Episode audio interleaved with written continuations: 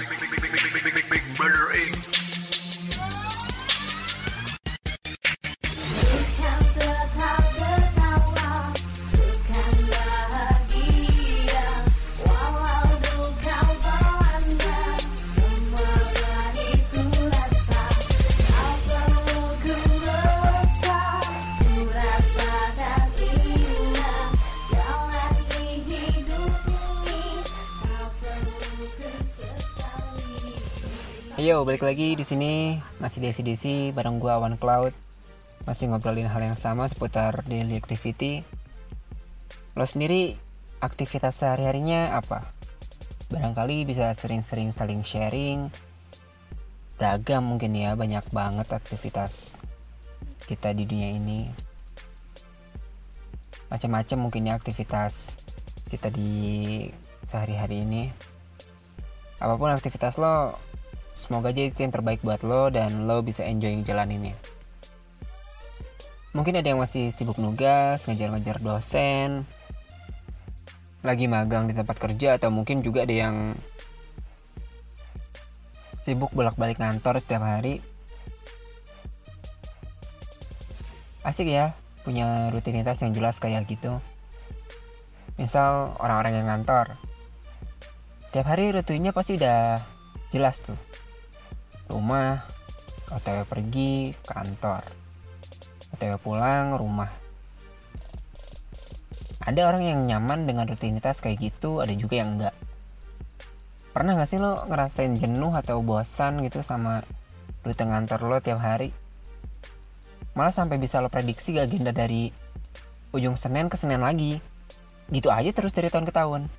Atau mungkin lo pernah kesel sama kerjaan yang numpuk dadakan. Ditambah lagi rekan kerja lo yang nggak nyambung nggak ngerti dia nggak bisa diajak diskusi. Niatnya mau curhat eh malah diaduin ke atasan. Ujung-ujungnya lo awkward di kantor. Kantor itu menurut gue sebuah aktivitas yang punya warna homogen dan cenderung maksa kita buat ngikutin aturan atau sistem yang ada. Tapi resiko dari setiap keputusan manajemennya kecil banget buat berdampak sama kita. Nggak langsung kecuali lo ada di posisi top manajemen beda halnya kalau buka usaha atau bisnis sendiri. Lo bisa lebih leluasa untuk bikin aturan atau mimpin manajemen sendiri. Tapi resikonya lo yang ada di urutan nomor pertama ketika terjadi hal-hal yang gak diinginkan. Ada fenomena lucu unik sih menurut gua. Terkadang orang yang ngantor pengen buka usaha sendiri. Resign cabut dan bye bye tapi di sisi lain, nggak sedikit juga para pengusaha itu bilang pengen jadi orang kantoran. Sebenarnya nggak ada bedanya menurut gue. Lo mau jadi seorang employee atau jadi seorang entrepreneur, dua-duanya asik. Dua-duanya punya resiko. Dua-duanya ngasilin duit. Persoalannya, mana yang paling cocok sama diri kita? Bakat lo di mana? Skill dan mental lo cocoknya jadi apa? Jadi employee atau jadi entrepreneur? Karena mau lu jadi employee atau entrepreneur pun itu butuh skill khusus. Yang setiap orang punya tapi nggak setiap orang nguasain. Yaitu skill ketahanan diri. Nggak gampang loh. Buat seseorang bertahan dan memutuskan sepanjang hidupnya jadi seorang kantoran misalkan. Sering banget karyawan-karyawan labil tuh putus kantor di tengah jalan. Malah ada yang bela-belain bayar denda gara-gara melanggar perjanjian. Gaji nggak seberapa habis bayar denda nombok yang ada. Gue suka salut sama orang-orang yang bisa hidup jadi orang kantoran, sampai punya anak, sampai sukses secara finansial, malah kadang-kadang bikin usaha sendiri. Karena orang-orang ini emang udah steady. Banyak para pengusaha muda dan pemula itu naik turun. Pendapatannya, moodnya, dan perkembangan bisnisnya. Yang itu tadi kalau skill sama mentalnya nggak cocok, bakal berat. Pasti kerjaannya tuh maki-maki terus banding-bandingin. Ujung-ujungnya nyesel, terus bubar jalan. Memang kita harus punya skill. Dan menurut gue pada dasarnya skill kita itu bisa dipakai di mana aja. Apakah ketika lu jadi seorang kantoran, ataupun ketika lu buka usaha sendiri. Di situ skill lo yang sangat menentukan. Di level mana lo berada. Amatir, advance, mature, expert. Hierarkinya sama aja. Menurut gue lo mau jadi entrepreneur atau jadi employee, ada level-level seperti itu. Tapi ketika lo udah masuk menjalaninya, Di situ mental yang berbicara. Sekuat apa dan secocok apa lo dengan sistem kerjaannya.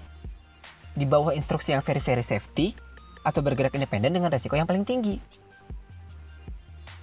Semuanya berawal dari diri kita dulu. Kitanya harus punya pondasi. Jadi mau ada tantangan atau ancaman sebesar apa pun, kita udah bisa bersikap. Banyak orang di lapangan masih bingung sama pilihannya sendiri. Kerja gaji gede tapi nggak happy, nggak enjoy. Pengen buka usaha sendiri tapi kepentok finansial lagi, finansial lagi. Sebelum jauh melangkah nih ya, minimal kita paham dulu tujuan hidup kita atau karir kita. Percuma ngomongin esensi kalau orangnya cuma sebatas cari nasi. Nggak bakal nyambung. Harus bisa dibedain. Tempat di mana lo cari nasi, sama tempat di mana lo ngelakuin aktualisasi diri. Lebih pinter lagi, lo bisa bikin aktualisasi diri lo yang menghasilkan nasi. Lah ini boro-boro bikin aktualisasi dirinya menghasilkan nasi, kadang mereka juga nggak ngerti apa yang gue omongin dari tadi. Jadi gini, poin utamanya, fungsi dan tujuannya beda. Kalau lo nyari nasi berarti aktivitas lo harus profitable. Kalau lo mau aktualisasi diri, berarti aktivitas lo bersifat valuable. Harus dibedain goals-nya. Lah, gue bisa bikin hobi gue jadi profitable gimana? Nggak boleh. Ya boleh-boleh aja Bambang.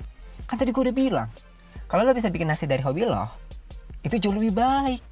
Ketimbang lo cocokologi. Maksa cocok-cocokin kerjaan dengan hobi. Atau minat lo. Kalau lo mau cari nasi, visi dan misi lo, tujuan dari aktivitas lo, adalah menghasilkan duit, profit.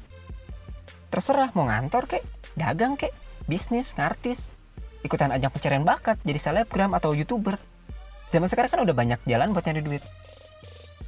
Dan lo harus bisa bedain. Kalau lo mau aktualisasi diri, berarti tujuan utamanya adalah kepuasan diri. Nggak penting dibilang nggak menghasilkan duit, nggak terkenal, nggak menjual. Yang penting lo bisa berekspresi, itu poinnya. Tapi kan kalau kita makan kue, pengennya yang enak juga kan. Begitupun orang di sekitar kita. Walaupun nggak profitable, karya atau apa pun bentuk aktualisasi diri kita, minimal bikin supaya ada yang mau makan, ada pasarnya. Orang nih ya, kebanyakan tuh salah persepsi dan salah nempatin diri. Mereka pengen aktualisasi diri di tempat mereka cari nasi, tempat kerjaannya, yang notabene nggak sejalan sama hobi atau bakatnya.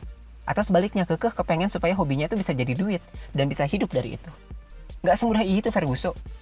Ngawinin dua hal tadi itu butuh keahlian, skill dan mental. Dan yang paling penting adalah nasib. Oke, eh, gue ganti redaksinya jadi kesempatan biar nggak terlalu pasrah-pasrah banget sama nasib.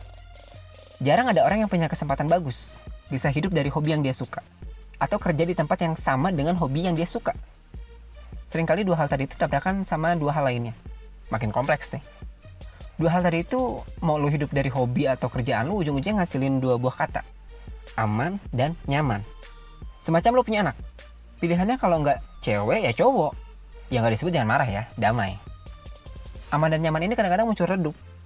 Ada pekerjaan yang aman, tapi nggak nyaman. Ada juga yang nyaman, tapi nggak aman.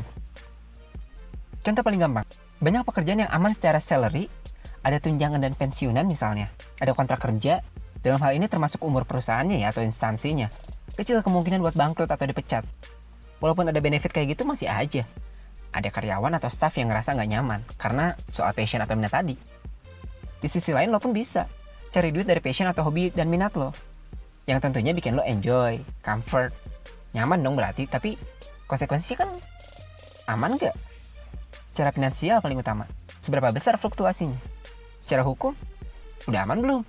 Secara kredibilitas, udah siap bersaing dengan yang ada. Nasional punya malah. Dan yang paling penting, umurnya. Seberapa lama proyek yang lo bangun bisa menghidupi lo? PR besar itu bos.